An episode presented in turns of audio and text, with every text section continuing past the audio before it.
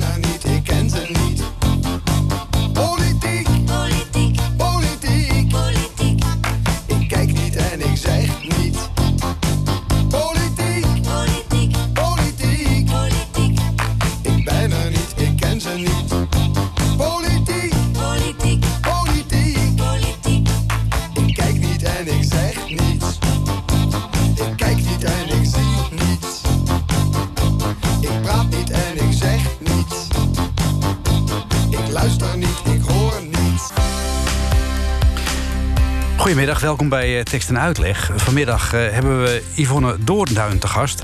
Zij is eh, speechschrijver bij de minister van Infrastructuur en Waterstaat. Dat is Cora van Nieuwenhuizen. En ze debuteert met een roman, en niet zomaar een roman... een spannende roman met de titel Onmacht. Goedemiddag, Yvonne. Goedemiddag. Ja, jij bent speechschrijver bij Cora van Nieuwenhuizen. Hoe is dat? Ja, dat is hartstikke leuk. Ik eh, eh, kan daar goed mijn schrijfei in kwijt, als je het zo wilt formuleren. Eh, nieuws en actualiteiten zit erin. En, maar ook de portefeuille waar wij, waar wij het over hebben. Dus luchtvaart, water en maritiem en wegen. Nee, hartstikke leuk. Lekker, lekker algemeen, maar je dacht op een gegeven moment van... het is me een beetje te algemeen, ik ga eens een lekkere thriller zitten schrijven. Ja, Nou, dat, dat kwam ook wel omdat ik uh, een keer zin had om aan niets of niemand verantwoording af te leggen. Je hebt natuurlijk uh, in mijn uh, werk heb ik altijd te maken met dat het aan de werkelijkheid moet voldoen, dat ik het met mensen moet afstemmen. En ik had zin in, in fictie. Als je van schrijven houdt, is fictie natuurlijk toch de ultieme vrijheid. Ja, en dan meteen maar een thriller ook met, met moord en, en, en gekonkel en, en gedoe in Den Haag. Het leek mij uh, heel leuk om tegen het decor van het, uh, van het Haagse, dus van de politiek uh, aan het Binnenhof, een, een verhaal te verzinnen hierover. Dus moord op een thrillerauteur. Ja. Nou, het is heel goed gelukt, mag ik wel zeggen. We gaan er straks uitgebreid over praten, maar we gaan eerst even luisteren naar Politiek en Liefde van Eva van Maan.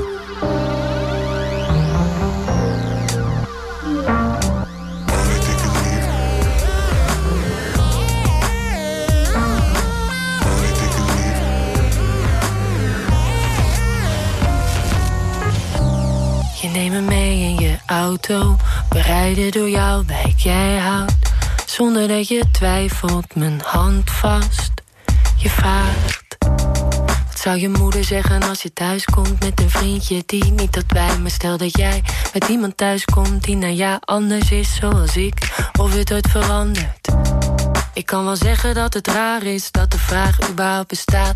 Maar dit is geen kwestie van interpretatie, ook geen frustratie. Het laat gewoon zien dat er inderdaad één waar het bestaat. Waarin wij raar aangekeken op straat, waarin jij gevaar loopt. En ik in principe niet, door type maar kleur. Voor jou bijna een scheur. Hoe kijk je naar mij? Ik besef me dat alles in het leven is gegeven zo vanzelfsprekend. Zoals de zon opkomt, één waarheid, twee leugens. Burgers versus Babylon.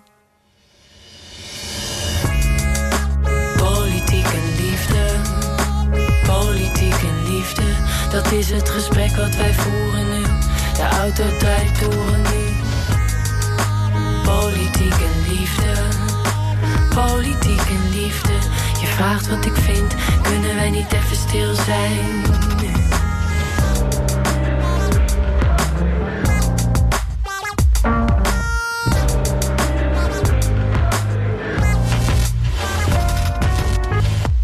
Het is een dagelijkse strijd met hoe het nieuws erover schrijft. Gevechten met politie, gevechten met justitie. Positiviteit komt hier de wijk niet uit.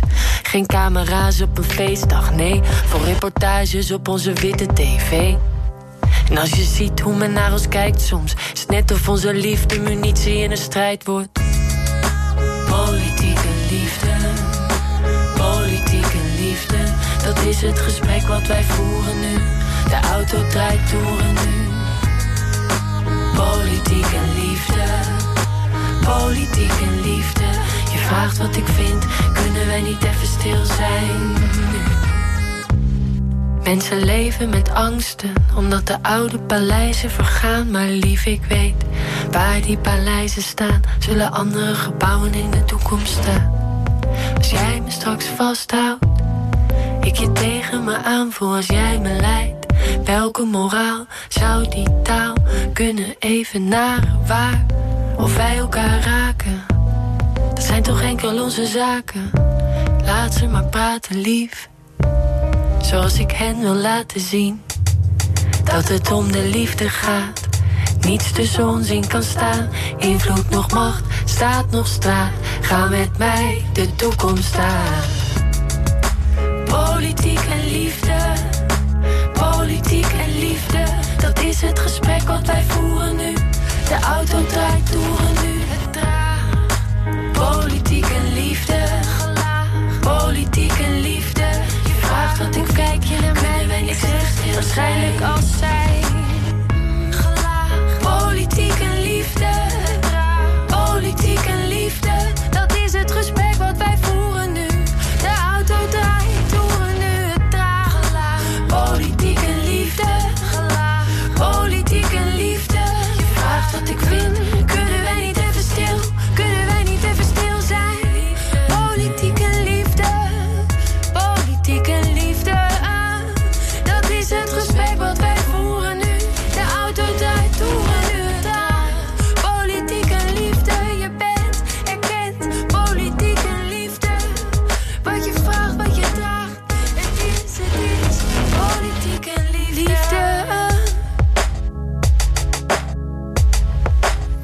Politiek en liefde van eh, Eva van Manen in tekst en uitleg. En we praten vanmiddag in tekst en uitleg met uh, Yvonne Doorduin. Uh, zij is uh, speechschrijver bij het ministerie van Infrastructuur en Waterstaat. Zij schrijft dus de speeches voor minister Cora van Nieuwenhuizen onder andere. En zij debuteert met een roman met de titel Onmacht. En ja, Yvonne, we zeiden het net al eventjes. speech schrijven, dat is een vak apart. Maar een roman schrijven, dat is een nog aparter vak, denk ik. ja, een, uh, een thriller is het uh, geworden. Ja, ik, uh, ik vond het echt hartstikke leuk om te doen. Fictie is toch iets waarbij je je nergens aan hoeft te houden... en waarbij je zomaar opeens linksaf kan slaan als jou dat aanstaat. Gewoon omdat het een spannende wending is. Ja. En ehm, ik schrijf doorgaans uh, zonder achterom te kijken. Dus dan moet je aan het eind wel uh, behoorlijk wat herstelwerkzaamheden verrichten. Maar dat maakt wel dat er, denk ik, hele leuke wendingen in zitten. En ja, ja het is... Het is Gewoon fictie en, uh, het is fictie en heerlijk het, uh, om mee bezig te zijn. Ja, ja. ja ook, om te, ook om te lezen, want je, je leest het heel snel weg. Het is een echte, zoals ze dat dan uh, op zijn Engels zeggen, een page-turner. Het, het, leest lekker het, en je bent altijd weer benieuwd wat, wat er weer volgt. Daarover straks meer. Ik wil eerst nog een beetje in jouw verleden duiken. want dit is jouw debuutroman, maar je bent geen 21 meer. Want je hebt al een hele carrière ja, achter je eigenlijk. Hè? Want waar, waar ben jij begonnen, met wat voor werk? Ik ben uh, begonnen bij de Volkskrant. Uh, en dat was eigenlijk... Ik had tijdens mijn uh, studie economie... had ik een bijbaan bij de Universiteitskrant. Mm -hmm. En daar ben ik verliefd geworden op het vak van schrijven. En toen ben ik postdoctoraal journalistiek gaan doen. En toen ben ik op die manier bij de Volkskrant binnengerold. En wat deed je dat daar? Heb ik, ik heb, uh, ik heb er tien jaar gewerkt, waarvan uh, ruim zes jaar op de politieke redactie. Mm -hmm. uh, dus in Den Haag. En, ja. Um, ja, uiteraard. Ja, we hebben verschillende redacties. En ook binnen een politieke redactie zijn er verschillende specialisaties. En ik heb op zich van alles gedaan. aan het einde was ik wat meer algemeen met als focus Partij van de Arbeid, uh, Watcher, zeg oh, maar. Okay. Dus dan hou je die partij uh, in specifiek uh, in de gaten. En was dat in de tijd dat de Partij van de Arbeid nog bovenaan de peilingen stond? Ja, het was bij mij voor, vooral de tijd van Wouter Bos. Aha. Dus, en Balkenende en ook wel de opkomst van Geert Wilders. Hmm. En het kabinet met gedoogsteun van Geert Wilders... wat toen tot stand kwam. Oh, mooie periode om te schrijven dan. Heel mooi, ja. Ja. ja. En nou ja, na tien jaar zei je van, had je er wel genoeg van? Waarom was dat? Was je uitgekeken op, op de Haagse wereld... of was je uitgekeken op het vak van de journalistiek? Nou, ik was zeker niet uitgekeken om op, het, uh, op de Haagse wereld. Want dat was juist de reden dat ik uh, uh, uiteindelijk bij de Volkskrant ben weggegaan. Mm -hmm. um, nee, het was in die tijd zo dat je na vijf jaar geacht werd... een keer weer eens iets anders te gaan doen bij de krant. Aha. En ik zat er zes en een half jaar en... Er werd mij een plek op de economieredactie aangeboden. Ja. Wat ik ook een, uh, een tijdje ben gaan doen. Maar uh, ik, miste, ik miste de politiek. Ik, vind dat, uh, ik vond dat toch gewoon heel erg leuk. Dus toen, toen ben ik aan de andere kant gaan kijken. Zoals dat dan in ons wereldje ja, heet. Ja, ja. Nou, hoe dat gaat aan de andere kant, dat mag je zo dadelijk vertellen. We gaan eerst even luisteren naar iemand die misschien ook om een bepaalde reden genoeg had van de Volkskrant. Joop Visser. De Volkskrant, de Volkskrant, de Volkskrant is een kutkrant. De Volkskrant is een kutkrant en een plaag voor het gezin. De Volkskrant, de Volkskrant, de Volkskrant is een kutkrant. De Volkskrant wordt steeds dikker en er staat steeds minder in. Vroeger was hij katholiek, een pijler van bedrog. Nu is hij niet meer katholiek, maar toch, maar toch, maar toch. De Volkskrant, de Volkskrant, de Volkskrant is een kutkrant. De Volkskrant is een kutkrant, het is mij niet gauw te dol. Maar als ik eens een krant lees, als ik eens een krant lees, dan wil ik ook een krant en geen papieren drol. Waar de redactie drijft op drank en zelfcensuur. Je krijgt de halve waarheid, maar wel twee keer zo duur. De Volkskrant, de Volkskrant, de Volkskrant is een kutkrant. De Volkskrant is een kutkrant, ik houd hem voor gezien. De Volkskrant, de Volkskrant, de Volkskrant is een kutkrant. De Volkskrant heeft geen mening, de Volkskrant heeft er tien. De Volkskrant is een pokkenblad, een geitenwolle sokkenblad. Een journal ego kokkenblad, het lijkt wel een riool. De Volkskrant, de Volkskrant, de Volkskrant is een kutkrant. De Volkskrant is een kutkrant, geef mij maar trouw. Ja, dat was eh, Joop Visser met De Volkskrant is een eh, kutkrant. Eh, Yvonne Dorenduin, jij ging niet weg vanwege die reden die Joop Visser noemt bij De Volkskrant. Jij wilde aan de andere kant kijken. Is het heel anders aan de andere kant dan wanneer je als journalist in Den Haag werkt? Nou, voor een deel ben je ook wel eh, journalist eh, binnen een ministerie, moet ik zeggen. Je eh, bent toch ook als journalist ben je vaak bezig met de vertaling van ingewikkelde politieke teksten naar eh, hoe ze goed bij het publiek, door het publiek begrepen kunnen worden. Ja. Ehm, nou, als journalist ben je daar eigenlijk ook continu mee bezig Ja. met, met de- het vertalen van ja, beleid naar eh, wat kun je ermee. ja. En hoe ben je zo bij het eh, ministerie van Infrastructuur en eh, Waterstaat terechtgekomen? Ik had nog een kleine tussenpoze in Brussel. Ik heb ruim anderhalf jaar voor D66 in het Europees Parlement de woordvoering gedaan.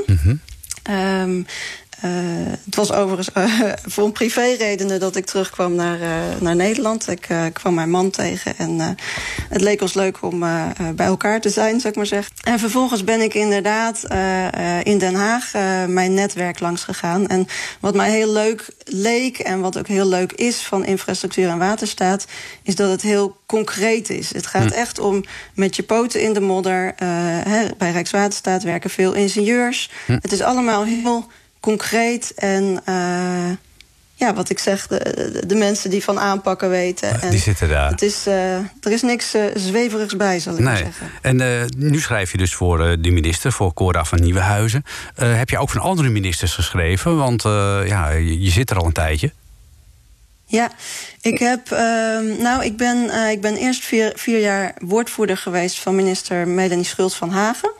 Ehm, en als woordvoerder eh, doe je dus de mediacontacten. Alleen daar, ik had het al even over dat schrijfei. Ja, ja. ik kon toch daar mijn schrijfei niet helemaal in kwijt in, in persberichten. Eh, dus vandaar dat ik ben overgestapt. En ik heb eh, een aantal speeches ook wel voor Melanie Schultz geschreven. Maar ik ben pas echt speechschrijver geworden eigenlijk sinds dit kabinet. Dus Ja. Cora van Nieuwenhuizen en eh, Stintje van Veldhoven. Hoe is het eh, overigens werken met eh, Cora van Nieuwenhuizen? Want ja, daar zijn we natuurlijk nu wel benieuwd naar. Als je zo dicht bij een minister zit, is het, is het een beetje te doen? Is Ja, heel leuk. Het, het, het grappige is, ehm, je ziet dat natuurlijk niet, niet altijd in beeld. Maar zij is echt een hele leuke dame. Die echt eh, Brabants gezellig. En eh, ondertussen wel eh, natuurlijk bestuurder. Maar eh, ik vind het altijd heel leuk om te zien dat ze ontzettend groot fan is van Feyenoord. Oh. Van darten. Daar staat ze ook, ook op Twitter. is ze dan heel enthousiast supporter. ja. En eh, ja, ik vind haar gewoon heel menselijk. Geen, eh, geen opsmuk en eh, heel toegankelijk. En ook een pittige portefeuille, want ze heeft Schiphol. Ze heeft natuurlijk ja, de, de stikstofproblematiek die te maken heeft met bijvoorbeeld de snelwegen... heeft ze in de, in de pakket zitten. Dat is, dat is niet niks. Klopt. Nee, dat is, dat is een pittig pakket. Daar heb je gelijk in. Ja, dus ook een pittig eh, speechschrijfpakket voor jou. Ja, nee, af en toe, eh, eh, ja, af en toe eh, zijn er lastige keuzes. En ik ben, ja, ben blij dat ik die niet hoef te maken. Het is, het is een pittig vak, ministerschap. Ja, dat lijkt me ook. Maar speech schrijven lijkt me ook niet eenvoudig. Maar een roman schrijven, dat lijkt me nog moeilijker. En daar gaan we het straks uitgebreid over hebben. We gaan eerst even naar Raymond van het Groenewoud.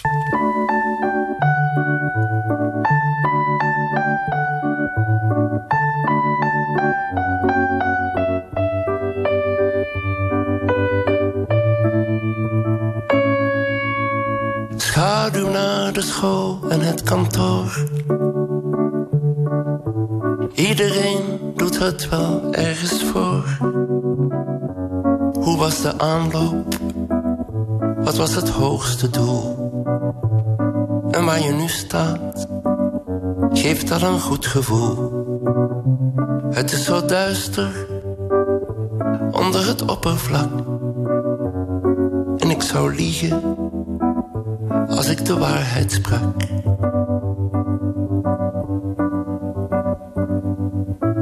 Harde werkers, alles mag kapot. Dynamisch ondernemend, los van God. Ze gaan goed voorwaarts, stropen de mouwen op. Ze lachen luidkeels, met hun gezwollen kop. Nu gaan ze eten, dan wordt er doorgezakt. En ik zou liegen, als ik de waarheid sprak.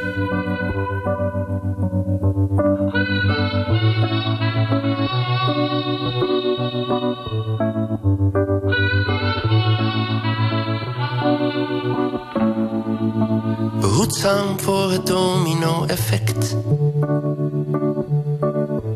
Dat het waarom niemand nog iets zegt?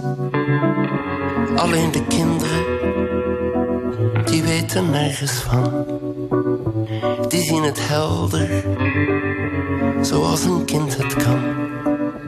Men heeft belangen, alles wordt afgezwakt. En ik zou liegen als ik de waarheid sprak.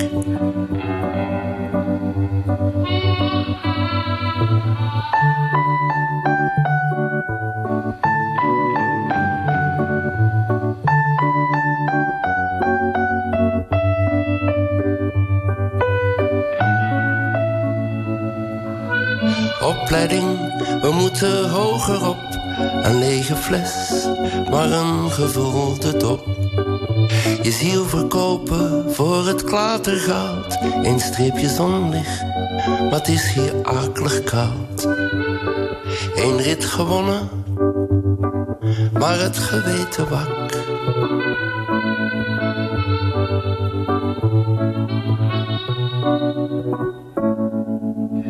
Weet een huis dat jou een kamer leent. Als je van je dromen bent vervreemd. Daar zijn de broeders van hetzelfde ongemak. Hetzelfde verlies, even diep weggezakt. En in dat huis krijg ik ook onderdak.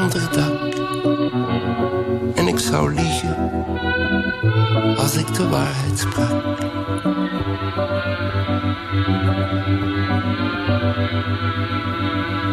Ik zou liegen als ik de waarheid sprak. Raymond van het Groenewoud. Een verschijnsel wat we misschien in uh, Politiek Den Haag uh, regelmatig tegenkomen. Maar uh, dat is nog maar de vraag natuurlijk.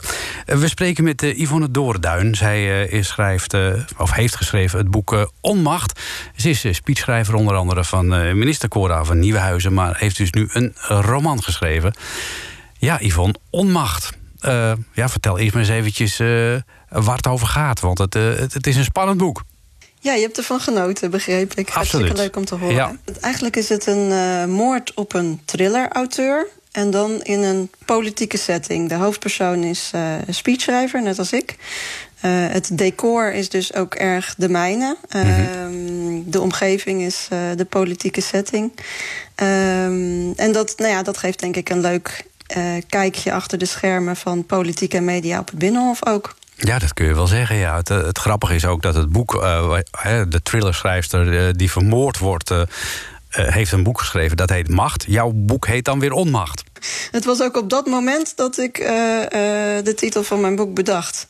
Dus toen ik dat boek Macht had genoemd, het boek wat voorkomt in mijn boek, mm -hmm. toen bedacht ik dat het een mooie titel was Onmacht. Omdat de hoofdpersoon uh, achter de tralies belandt. Ja. Uh, voor moord, ja. Dat, dat is, dan zit je, bevind je je toch in een behoorlijk onmachtige situatie. Ja, dat kun je wel zeggen, ja. ja en, en dan ook nog, nou ja, goed, we gaan niet alle details prijsgeven... maar uiteindelijk zit je natuurlijk in die cel als, ja, als onschuldig persoon, om zo maar te zeggen. Hoe, hoe heb jij je daarin verdiept in al die thema's? Want ja, je moet natuurlijk een kijkje ook in de, in de gevangenis nemen dan. Dat heb ik ook gedaan. Ehm, het geval wil dat mijn overbuurman bij de recherche werkt. En eh, die heeft me eh, meegenomen in de wereld van, eh, van pol- politie en gevangenissen. En, ja, een heel andere wereld. Maar ehm, ik vond dat ik daar geweest moest, moest zijn om dit boek te kunnen schrijven. En hij heeft ook even de celdeur eh, dicht gedaan. Oh. Nou, daar wil je inderdaad echt niet zitten. Dus eh, eh, de emoties die daarbij eh, loskomen, die heb ik zo goed mogelijk proberen te beschrijven. Ja. Nou, je hebt ook een beeld neergezet van mensen die in training gaan in, in luxe, ja, mogen we wel zeggen, etablissementen waar ze dan bijvoorbeeld mediatraining of dergelijke krijgen. Daarbij spreek je waarschijnlijk ook uit eigen ervaring. Met het verschil dat ik de, de luxe en eh, de losbandigheid eh, erbij heb eh, bedacht. Oh. Ehm, nee, het is, het is wel zo dat er uiteraard, hè, net zoals een stucadoor een cursus doet om beter te leren stukken, politici een cursus doen om beter te leren spreken. Dat is Mhm. volgens mij ook wel bekend. Dus het verhaal is fictie, maar het decor is inderdaad de mijne. Je zei net al van, ik heb er eigenlijk 15 jaar mee gewacht voordat ik eh, dit boek eh, eh, zeg maar tot stand kon brengen. Waarom duurde het zo lang? Misschien is het nog wel leuk om te vertellen waarom ik, ik 15 jaar geleden dacht van... goh, ik moet dat gaan doen. Ik, Ja. ik heb in mijn leven best wel wat gereisd. En Mhm. ik was op dat moment in Laos. En daar ontmoette ik iemand die als grote levenswens eh, had de zee te kunnen zien. Dus Laos is omgeven door land. En eh, eh, hij leefde ook in armoede. Dus een reis naar de zee was voor hem behoorlijk... eh, ja, eigenlijk ondenkbaar. En ik dacht op zo'n moment, ik liep al wel eens een beetje rond van... goh, ik zou wel eens een, ooit een boek willen schrijven. Ja. Ehm, en ik dacht op dat moment, ja, mijn wens is eigenlijk zoveel makkelijker te realiseren dan zijn wens. Ehm, als je in Nederland iets wil en we wonen in, toch in een land met zo ontzettend veel kansen, dan moet je het op een gegeven moment eigenlijk alleen nog maar gaan doen. En eh, wat ik zei, dan eh, ga je toch ook nadenken van, eh, hè, heb ik de fantasie? Waar haal ik de tijd vandaan? Ik heb een gezin met twee jonge kindjes van vijf en drie. En, en ook eh, is dit een boek, eh, ook, ook met dat decor politiek, is dat een boek wat ik eh, onder mijn eigen naam zou kunnen uitbrengen. Ja. Uiteindelijk heb ik het boek, denk ik, nog vrij snel geschreven. In de avonduren, 2,5 jaar ben ik, ben ik bezig geweest. En eigenlijk, dat is misschien ook nog wel leuk om te vertellen, eigenlijk echt als hobby. Want je hoort soms dat mensen eh, het schrijven van een boek monnikenwerk vinden. Maar voor mij was het echt een, eh, een hobby. En ik, eh, ik geniet van elk uur dat ik op deze manier kan schrijven. Ja, en Dus, hoe, de- hoe deed je dat dan? Als 's avonds de kinderen naar bed waren, ging jij zitten schrijven? Of zocht je een cafeetje op waar je rustig met je laptop even ging fantaseren? Ik heb, ik heb overal gezeten, tot aan de McDonald's aan toe, inderdaad. Oké.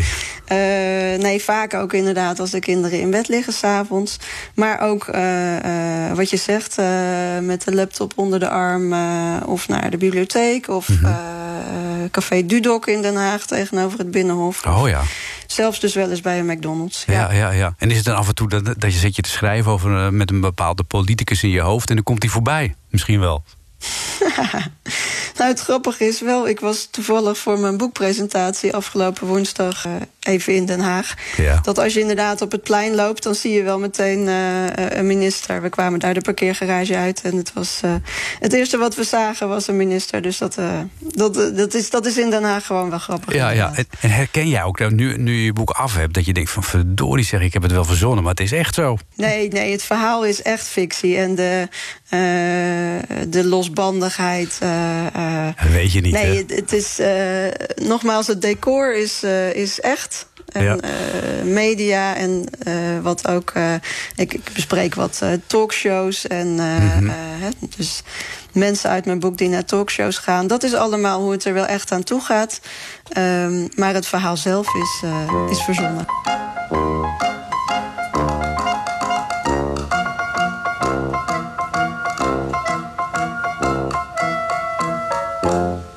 Ze was de mooiste meid van het hele dorp. Ze was de trots van alle ommelanden. Als je de schouders en de dikke kuiten zag, dan stond het water dadelijk in je handen. Als ze voorbij kwam op de oude vongersfiets en er stond een harde tegenwind, dan wist het elke kerel waar die kijken moest. Het was een heerlijk kind omdat ze onbetwist de allermooiste was, werd door het hele dorp met haar gegeurd. Als er een bloemenkoningin moest wezen, dan viel natuurlijk haar die eer te beurt. En bij een voetbalcompetitie of een roeiwedstrijd bevochten ze elkaar als leeuwen. Zij de prijzen uit mocht delen. Zo was er ook een keer een soort concours in Wiek waarbij het hele dorp weer aan de kant zat. Omdat men dat jaar nogal goed bij zat, was de eerste prijs een zweep met zilveren handvat. Na afloop van de wedstrijd stond zij op het podium en naast haar stond de kampioen. En de spanning steeg ten top, want iedereen die was benieuwd wat of ze nou zou doen. Zou ze het doen, zou ze het doen, dat was voor iedereen de vraag. Geef ze hem een zoen, geef ze hem een zoen, geef ze hem de volle laag. Ze gaven een zoen. Vanaf gezagen alle mannen groen. En blozend zei de winnaar, was ik maar haar minnaar, want wat heb ik aan die poen? Enkel en alleen die zoen, die zoen, die zoen, dat was me om te echter was nogal verdeeld, want alle mannen wreven in der handen. Alleen de dames uit de buurt, vooral de middelbare dames, riepen luidkeels schande. En toen een enthousiasteling het voorstel deed om elke maand een wedstrijd te gaan gezamenlijk te laten scheiden. Maar toen het jaar erop de dameskrans besloot een honderdjarige te gaan eren. Van wie men wist dat het zijn allerliefste wens was om alsnog te emigreren. Toen sprak die mooie meid, we sparen met z'n allen voor een vliegreis en die bied ik aan. Toen kregen alle dames rode vlekken in haar nek en dachten, oh, hoe moet dat gaan? Zou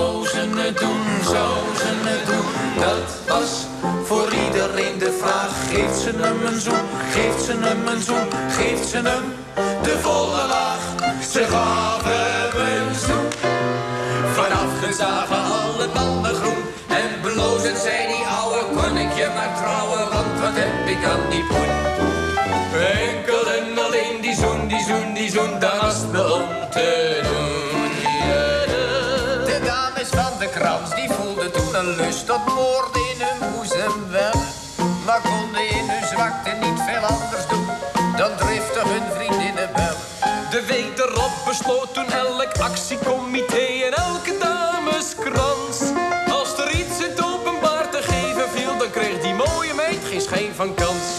Alleen de burgemeester was een vrijgezel, was ziende blind dat vaker voorkomt. Die sprak die asfaltweg die straks wordt aangelegd. Als het koninklijk besluit erdoor komt, die zal ik openen. Maar ik zou het enig vinden als die mooie meid het met me deed. Toen dacht een hele comité, oh jee, nee, als zij nou straks de plaats maar weet. Zou ze het doen, zou ze het doen, voor iedereen de vraag. Geeft ze hem een zoen, geeft ze hem een zoen, geeft ze hem de volle laag. Ze gaven een zoen. Vanaf gezagen alle dames groen. En woedend riep een boer, wat een vieze hoer. Mens, daar stegen het fatsoen. Een zoen, een zoen, een zoen, een zoen. Hoe kan ze dat nou was doorgeknipt, reed er een grote limousine voor. En de burgemeester en de mooie meid die stapten in en gingen er vandoor. Het hele comité heeft nog tot middernacht met koude voeten op zijn stand te wachten. Maar het paar dat bleef twee weken weg. En het hele dorp dacht al de nachten. Zouden ze het doen, zouden ze het doen, dat is de grote vraag. Blijft het bij een zoen, blijft het bij een zoen, of geeft hij haar de volle laag? Ze zijn het aan het doen. Een oude bok lust wel een blaadje groen. Die mooie meid wordt nou burgemeestersvrouw. Ja, dat heb je van zo'n zoen. Een zoen, een zoen, een zoen, een zoen. Wat je daar niet allemaal mee kan doen. Tekst. En uitleg. Uh, Donkey Shocking hoorde je. En je luistert uh, inderdaad naar uh, tekst en uitleg. Met vanmiddag de gast Yvonne Doorduin. Zij is in het dagelijks leven speechschrijver van minister Cora van Nieuwenhuizen... van Infrastructuur en Waterstaat. Maar met onmacht heeft zij haar debuutroman gemaakt. Een spannende thriller die speelt rondom het Binnenhof. Hoe vond de minister het overigens dat jij bezig was met een boek te schrijven? Of heb je er pas op het laatst verteld van... luister, er komt zit een boek aan te komen? Nee, ik heb haar um, ook omdat ik er uh, uh, 2,5 maand vrij voor heb genomen, heb ik het haar, denk ik, wat is het, ruim een jaar geleden verteld. -hmm. Um, en zij was meteen heel enthousiast. Dat vond ik heel leuk, want ik uh, vertelde haar in, dezelfde, in hetzelfde gesprek... dat ik er dus uh, 2,5 maand uh, tussenuit wilde. Dat was vorige zomer. Yeah. Um, en ze zei ook wel even van... oh, dat betekent dan ook iets voor mij... het feit dat ik jou dan een tijdje moet missen. Yeah. Maar ze is niettemin ja, heel enthousiast. En ik denk dat dat ook wel weerspiegeld wordt in het feit dat zij het uh, eerste exemplaar afgelopen woensdag in ontvangst heeft genomen. Ja, en heeft ze het al gelezen? Nou, uh, ze, ze, zei zeker dat ze het uh, ging lezen. Want uh, het grappige is, ze heeft wel eens ergens... ik heb haar wel eens ergens horen zeggen... dat ze liever kamerstukken leest dan boeken. Oh. Met een knipoog natuurlijk. Ja, ja. Maar ze zei, deze gaat ze zeker lezen. Nee, ik vermoed dat ze er nu nog niet aan toe is gekomen. Want het is ook op haar portefeuille wel druk op het moment. Ja, precies. Nou ja, als het maar op het nachtkastje ligt... dan kan ze er af en toe uh, een, een, blik op werpen en denken... oh ja, daar moet ik toch eens aan beginnen. En ministers ja. hebben natuurlijk ook af en toe vakantie. Hè? Dus in het zomerreces moet er toch tijd voor zijn, zou je zeggen. Moet lukken, hè? Ja, ja. ja. Heb jij de smaak nu te pakken na één boek? Dat je denkt van, uh, dit uh, is me goed bevallen. Ik, ik ga door met dat schrijven. Ik, ik hou ermee op bij die, bij die minister. nou, ik vind, ik vind het uh, ontzettend leuk. En uh, de uitgever wil het ook graag dat er uh, een volgend boek komt. Dus mm -hmm. dat is heel leuk. Dus ik heb zelfs ook al wel een ideetje. Ja, ik, ik, ik ga wel eerst even kijken hoe dit avontuur afloopt. Maar hm. ik, ik schat wel in dat ik vind het echt heel erg leuk om te doen. Ja. En in mijn, uh, in mijn hart denk ik, uh, ja, dat lijkt me echt heerlijk. Gewoon 100% je kunnen concentreren op een boek.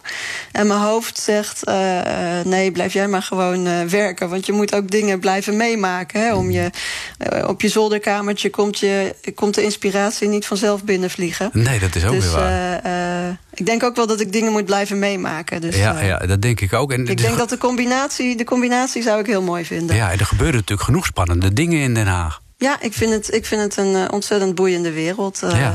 Heb je, heb je ooit ja. zelf wel eens gedacht op de politiek in te gaan? Zit ik me opeens te bedenken. Als je, er zo, je hoort het wel eens vaker. Zo'n Ben Knapen bijvoorbeeld uit het verleden. Die politici, die, of journalisten die dezelfde politiek gaan. Pia Dijkstra. Pieter Broertjes. Pieter Broertjes, ja. hoofdredacteur van, van, de, Volkskrant. Ja, die, die burgemeester van Hilversum is Ja, precies. En zo zijn ik, ik moet zeggen dat ik het uh, wel heel knap vind, de overstap. Want uh, je hebt altijd uh, aan de zijlijn he, grote woorden over hoe het beter kan. En die mensen die gaan het toch dan maar gewoon zelf doen. Dat vind ik, ik vind het wel echt heel mooi. Ik denk niet dat het iets voor mij is. Ik, ik vrees dat mijn ongeduld soms iets te groot is daarvoor. Echt waar? Oh, je, je, je komt heel rustig en geduldig over. Ja, maar ik, uh, ik, ik, ik vind het toch wel mooi om, uh, uh, om me met, met de, de grote lijnen bezig te houden, zeg maar. Wat ik mooi vind aan, aan journalistiek en ook aan, aan speechschrijven... is dat je eigenlijk altijd met de hoofdzaken bezig bent. Ja. En uh, de dingen die de krant halen... of de dingen dus die, die het waard zijn om uitgesproken te worden. En, ja. Um, dat, ik ben toch denk ik meer een ja, hoe zeg je dat? Een, een, dat je algemeen geïnteresseerd bent dan, dan in de details. Ja, precies. Uh, en in politiek moet je wel echt alles in de vingers hebben. Ja, natuurlijk. dat is wel weer waar. Ja, dus, precies. Dat lijkt ja. me ook heel uitputtend, eerlijk gezegd. ja. Heb jij nou nog zelf, dit, dit boek is nu één ding, hè, maar heb jij nou bijvoorbeeld zelf ook nog een speech waarvan je denkt van, nou, dat was wel zo'n goede speech. Daar, daar, daar zweef ik nog altijd een beetje op. Ja, ik heb, uh, wat, wat ik heel mooi vond is uh, twee jaar geleden... en dat was toevallig voor iemand anders... Uh, twee jaar geleden was het zo droog in Nederland. Mm -hmm. hè, dat, die ja. hele warme zomer, de warmste zomer in 40 jaar. En toen ehm, heb ik een speech geschreven uh, voor de uh, DG van Rijkswaterstaat, dus de directeur-generaal Rijkswaterstaat, Michelle Blom, over de droogte en hoe we het uh, gingen aanpakken. En um, de zinsnede de kraan bleef aan, of de kraan blijft aan. Ja. Dat was toen uh, niet vanzelfsprekend. Uh, die heeft echt alle kranten gehaald. En, uh, zelfs het 8 uur journaal opende ermee. Dus Kijk. daar was ik uh, wel trots op. Ja, dat kan ik me voorstellen. En natuurlijk ook heel trots op dit boek Onmacht. Dat kan ik me Ja. ook zo voorstellen, ja. Nou, ik uh, vond het hartstikke leuk om uh, even met je gesproken te hebben. Even, uh, drie kwartier. en uh, we kunnen niet wachten tot er een nieuw boek voor je komt. uh, want uh, dit boek uh, Onmacht, dat, uh, ja, dat leest echt als een page turner. Het ligt in de winkel en het is uh, uitgegeven ja. door uh, Ambo Antos. Uh, ik wens je nog een hele gezellige zaterdagavond, uh, Yvonne. Hetzelfde. Tekst en uitleg. Tekst en uitleg met Jos Heremans. Radio.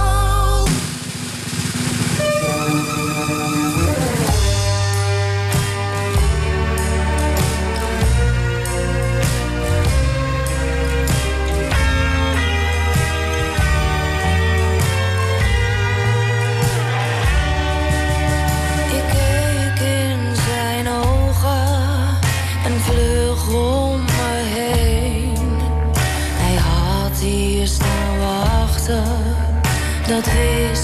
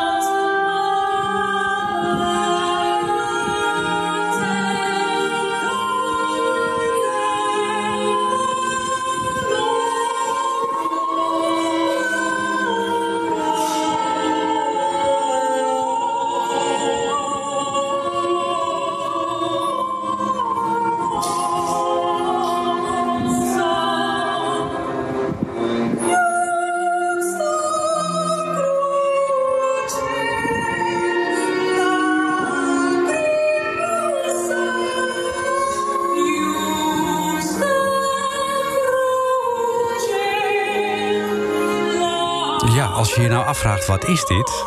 Nou, dit bezorgde mij dus eh, afgelopen week eh, kippenvel... toen ik eh, op Facebook keek en daar een filmpje zag van Brechtje Kat... en Laura de Vries. Want die stonden namelijk in het fietstunneltje van het Rijksmuseum... en die dachten, we gaan daar eventjes het Stabat Mater van Pergolesi zingen. Ik wist niet wat ik hoorde, Brechtje Kat. Ja, wat, ja, klopt, klopt. We hebben daar staan zingen, want het was zo rustig nu. En eh, ik dacht, dat is een once-in-a-lifetime experience. Ja, dat kun je wel zeggen. Ja, ja. Maar wat mooi ook. Hadden jullie, wisten, jullie- Dankjewel. wisten jullie dat je dat in je had? Nou ja, kijk, ik, ik, ik ben een zangeres, dus ik had dat wel eh, gehoopt, hè. Ja. Maar ehm, ja, en, eh, en dit Stabat Mater, dat is mijn favoriete klassieke werk. Aha. En ehm, ja, dus wij. En, en onder dat museum met die akoestiek. Ja, dat was een, eh, een droom, hè? Eigenlijk. Ja, dat kun je wel zeggen. Ja, mooi opgenomen ook. Je hoort de wind nog een beetje er doorheen. En af, en, Ja, af en toe ja. een fietser hoor je voorbij komen. Dat is echt wel Ja. prachtig, toch? ja, ja, zeker, zeker. Ja. Bleven de mensen ook staan? Want ja, dat mag eigenlijk niet natuurlijk. Want voor je Nee, weet nou, heb je... dat mag niet, hè? Want iedereen is nu zo voorzichtig. En dat merkte je daar ook. Mensen, ja, natuurlijk, hè, sowieso die afstand. Maar ook mensen die dan maar doorliepen en een beetje achterom keken. En ehm, ja, dus het was allemaal. eh, mensen mogen zich niet, niet groeperen, hè? Dus iedereen Nee. was, was aan het doorlopen. En. eh, ja, het was, was heel, het is heel gek nu. Hè. Het zijn echt eh, verschrikkelijke tijden in die zin. Ja. Voor ons als artiest. ja, dat kan ik me voorstellen, ja. Ja, want, Dus ja. Ja, jij zei het al, je bent zangeres. Eh Pergolesi eh, behoort tot jouw favoriete eh, repertoire qua klassieken. Maar normaal Ja. gesproken zing jij ook in het Nederlands, toch? Ja, klopt, klopt. Ik heb een kleinkunstalbum gemaakt. Ook Mhm. bij, bij jullie, hoe noem je dat, in première gegaan, zeg maar. Ja. en hè. en ehm, ja, dus ik zing Nederlandstalig eigen geschreven werk. En eh, ja, we zouden deze, deze zomer eh, op Oerol staan met, eh, met een operagezelschap uit Zaandam, Silberzee. Oh, ja. Amsterdams gezelschap. Ja. Dus dat is een beetje de klassieke kant die ik, die ik ook in mijn werk dan opzoek. Ja. Maar ja, Oerol Ja, is die- ook afgeschaft natuurlijk. Hè? Ja, dus, nou Ja. ja, en in, en in de eerste drie weken van de coronatijd dacht ik... nou, weet je, dan ga je zitten wachten. Dan denk je Mhm. van, nou, het komt alweer, het komt alweer. Ah, Oerol gaat wel door, Oerol gaat wel door. Ja. Maar toen ik hoorde dat dat ook niet doorging... en ik zou een eh, Medea spelen in Zuid-Frankrijk... op een festival op Aniane, in, Mo- bij Montpellier... Ja. in augustus de hele maand, ook niet door. Och. Nou ja, en dan loop je door de stad. En ik woon vlakbij het Rijksmuseum. Dat is, eh, dat is echt bij mij eh, naast de deur zo'n beetje. En Ja. Ik eh, liep onder dat museum door en een beetje te, te mijmeren. En het was helemaal leeg, niemand. En ik, ik ging er eigenlijk eerst in eerste instantie in mijn eentje staan. Ja. En ik ging daar, want ik zing ook soms fado-muziek. Ik ging daar fado zingen. Ik dacht, oh, ik ga dit samen met die vriendin Laura de Vries... dat ze daar wat mater hier doen. En toen hebben we eigenlijk gewoon, weet je wel, voor de lol met z'n tweeën... eh, met een iPhone nota bene opgenomen. Ja. Dus het is echt, eh, ja, weet je, wat je doet nu als artiest. En Ja. Ja, je wil spelen, je wil zingen, je wil dat, eh, Ja, dat nou, gevoel. nou, het, kl- het klonk fantastisch. Eh, ik zou zeggen, eh, kom eens wat vaker in dat fietstunneltje... en neem daar nog eens wat vaker wat op. Of, of was Nou, het eenmalig? Dus, nou, we zijn er dus door geïnspireerd. Ja. Dus wij, wij zijn nu van plan om daar, ja, om daar zeker een vervolg aan te geven. Dus hou YouTube en Facebook in de gaten. Want we gaan er een, ehm, we gaan er een vervolg aan geven sowieso. Ja, laat het vooral weten via Facebook, Ja. eh, Brechtje Ja. Kat. Eh, want eh, dan eh, de, ja, op gepaste afstand komen kijken. Neem een klapstoeltje mee natuurlijk. Ja, ja, ja, nou, doen. Ja. welkom, Jos. Ja, dat lijkt me heel erg leuk. Nou, ik wens je daar heel veel succes mee. Ja, je, je Nederlandstalige programma, dat, dat staat natuurlijk ook eventjes stil. Ja, ook dat staat stil. Ja, Dus we moeten maar weer wachten tot de coronacrisis voorbij is. Maar gelukkig hebben we niet alleen de foto's nog... maar ook nog een eh, mooie oude opname van jou, van hier uit de Ja. studio. Van jouw eh leuk. debuutalbum. Eh, gaan we luisteren naar het nummer eh, Blijf je hier. En we hopen dat jij ook nog... eh, nou ja, we hopen ook wel dat je weg kan... maar dat je ook nog heel veel hier blijft... en eh, van die mooie liederen gaat zingen... in de fietstunnel van het eh, Rijksmuseum. Ik beloof het bij deze. Dank je wel. Blijf je hier een beetje bij me. Blijf je hier nog even bij mij? Geef me vijf minuten langer. Ik laat je vrij nog even naast mij.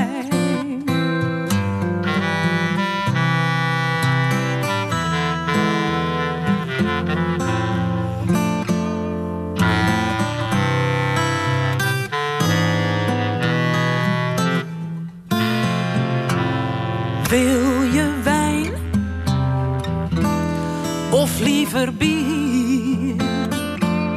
Heb je gegeten, anders eet je toch even hier. Ik maak wat klaar, of ik haal. Ik ren op en neer. Je gaat toch niet nu alweer.